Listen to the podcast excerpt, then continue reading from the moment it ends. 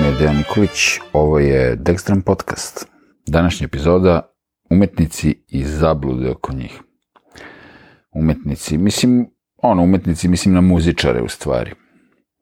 Pošto to se kaže artist, ali kod nas sad svako ovaj, taj termin umetnik koristi, kao, iako izvode možda neke potpune budalaštine, sad su svi postali nekako umetnici i šatorske pevaljke i ne znam nijako sve, mislim. Ali dobro, nema veze, tako to ide. Ali neko mi se čini da ono, među publikom, a čak i među samim muzičarima, postoje neki stereotipi kao da bi se muzičar bio, onda moraš da si, ne znam, na drogama, alkoholičar, ne znam nija šta, kao to je pravi rock and roll život ili pravi jazz život ili pravi nemam pojma, koji god život, mislim, kao, ako nisi taj, to je često ovaj, bio slučaj. Imao sam susrete sa raznim ljudima i ono, kao, nisam dovoljno rock ili nisam dovoljno jazz ili nisam dovoljno metal ili nisam dovoljno šta god ako ne znam, ne pijem ovoliko ili onoliko ili ako sad kao ne znam se ne drogiram i ne znam nešto. A mislim, te fore kao, nema ništa protiv ono, šta god neko da konzumira, ako mu to sviđa, samo, samo napred.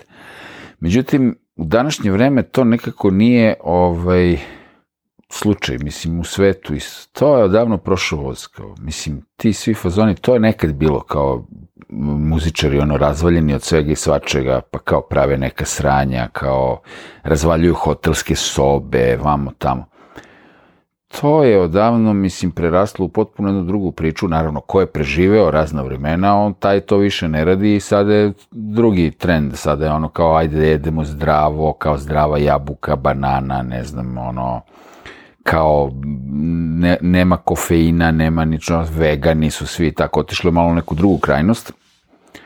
Ove, ovaj, ali u suštini ovaj, nema više tih nekih ekscesa i tih nekih fazona. Mislim, da to je jedno, eto tako kod nas negde postoji to neko verovanje, kao ja, sad ću se razvaliti, dođem ono pijen na svirku, razvaljen, naduvan, kao, kao to je pravi rock and roll ili šta god da je. Mislim, to više nema, to je sve posao, mislim, to je od uvijek bio posao i naravno, ovaj, čak su se i održavali u životu ti tipovi koji su recimo ono kao ultra nadrogirani, kao dolaze tamo diskografske kuće, ono tamo u 70. 80. godinama, naročito to je kao bilo u fazonu, dođu advokati, kogod, isporuče im šta im god treba, samo neka prave pare i samo neka ono kao nastupaju, nek prave ploče i tako dalje. Onda kad oni ovaj, od silne konzumacije svega i svačega riknu, onda se to naplaćuje kao ponovo kroz ponovna izdanja, greatest hits, levo, desno, ajde da unučimo sada i smrt nečiju i tako. Mislim, malo je ta muzička industrija stvarno strašna. Kod nas to naravno nikad nije moglo da bude u tom obimu, zašto ovde ni pare nisu te, ni ono, pričao sam već u epizodi ono XU, šta, koje smo mi tržište, mislim, to nema veze s mozgom, mislim, nije to nikakva ono, velika priča, ali mislim za naše ono pojmove i za naše neke uslove i za tu neku ex-Jugoslaviju bilo je raznih slučajeva i ok, tu su razni ljudi razne stvari radili, ali to u nekom obimu koji je to ovde bio moguć, jel da u ono vreme i naravno, čak i kod nas, svi, svi koji su, koji su bili navučeni na šta god su ono, ili prestali, ili su ono, ovaj, umrli, ili su izbačeni iz bendova i, i tako dalje, mislim. Tako da je sve to, čak imam priču ovaj, od jednog, mislim, nema veze, poznat je bend, ovaj čovjek kaže, kad smo, kad smo ovaj, izlazili na, na scenu, pa ono, budemo razvaljeni vamo tamo, mislili smo kao sve to super, dok jednom nisu čuli snimak, i onda je bilo, jao, pa ovo je užasno, kao. I onda je bilo od tog trenutka samo kao važi ovaj, može posle, posle koncerta šta god, ali pre toga ništa. I to je inače pravilo tako često bilo kod, kod uspešnih bendova stranih. E sad, naravno, bilo je bendova koji su ono, funkcionisali pod ovim milionim uticajem ovih ili onih substanci, što naravno nije moglo uvek da bude održivo, ali kažem, ono, to se sve promenilo. Možda, eto, i u svetu bilo u prvoj polovini 90-ih još jedino moguće da se izađe ono razvalje na binu kao tipa Guns N' Roses ili ne znam neki ovi od, od grunge bendova tipa ne znam Alice in Chains ili Nirvana ili šta. Međutim, to je sve već krenulo da jenjava i jednostavno danas je to sve, mislim, ljudi ono normalno kao furaju firme, to su, to su, to su firme, to nije samo bend. I tu dolazimo u stvari do još jedne stvari gde naši ljudi imaju zabludu, naročito ono fanovi, tako ja kao pa, kaže kao zamisli sad ne znam ovaj ne razgovara sa onim ili nemam pojma kao pa zar to nije sad bend pa da se oni druže pa kao mislim te naivne predstave o tome kao druže se pa su pa su oni četiri ortaka, pa kao oni sviraju, pa dele s dobro i zlo, mislim, to je ono, možda kad su bili klinci imali 15-18 godina i tako dalje, ali mislim, sad je to potpuno druga priča. I ovaj, nisu svi bendovi u fazonu da su, da su tu članovi, ne znam, posvađani ili ne znam nija šta, ali ono, kad nekog znate 30-40 godina i s njim ste ono bili godinama po ceo dan zajedno, ono ko da ste oženjeni ili udati za, za ne znam još 3, 4, 5 ljudi, mislim, to je počne neko nekom da ide na nerve, to, to je logično, mislim, to je neminovno. I onda normalno svako traži da ima svoju privatnost i šta ja znam. Što je sve okej. Okay. Naravno, dođe se do toga da se ima love i ovo i ono, onda naravno to preduzeće, jel da ta firma koja je neki bend, mora da funkcioniše, mislim, ne može da kao funkcioniše tako što će neka četiri ortaka nešto da lupetaju, mislim. Zna se kako to ide.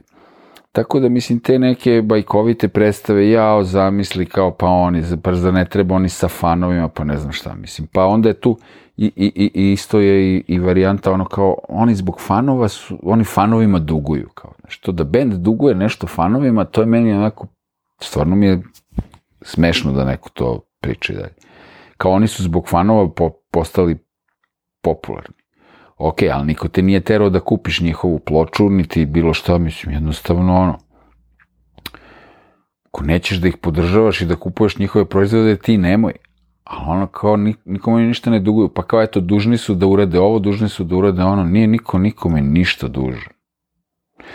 Seća se, otišao sam na, na koncert mislim nije rock koncert, ovo je jazz koncert bio, kao Herbie Hancock u Beogradu, čuveni jazz pijanista, jedan od inovatora, mislim, jazz, u, u, u polju džeza i tako.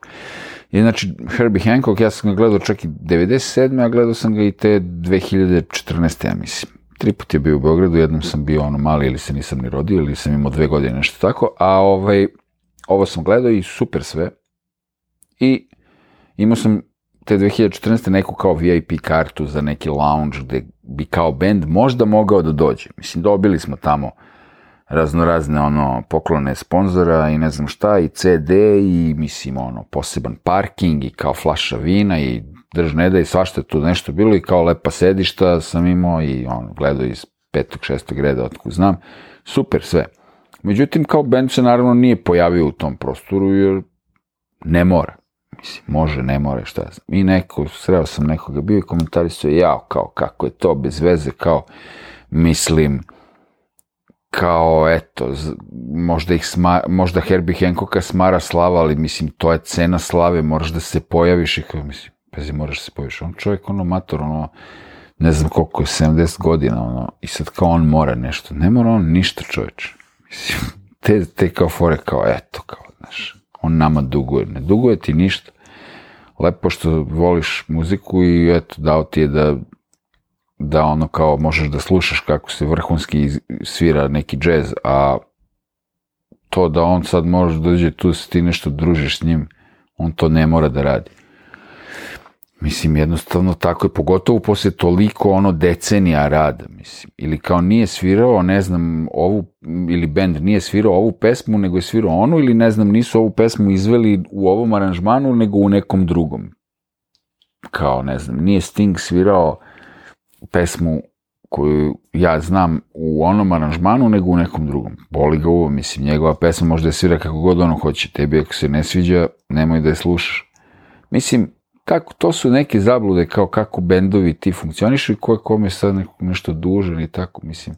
Kao i ove varijante, mislim, da treba da se kao razvalimo od droge i alkohola da bismo bili pravi, ne znam, rokeri. Da, ono, ako ćemo budemo luzeri, onda da. Ali ako nećemo, a kod nas tako, uglavnom to bude luzerski, zato i zvuče luzerski svirke. Ja sam gledao kad ljudi izađu da sviraju, mislim, koji važe za dobre svirače, izađu i totalno veze nemaju gde se nalaze. To je strašno, mislim, to je, ovaj, i, i znam za slučaje su ljudi gubili poslove zato što su, ono, dolazili u alkoholisanom stanju ili na drogiranom ili ne znam nija kako, jednostavno čovek ono nije podoban da se radi s njim.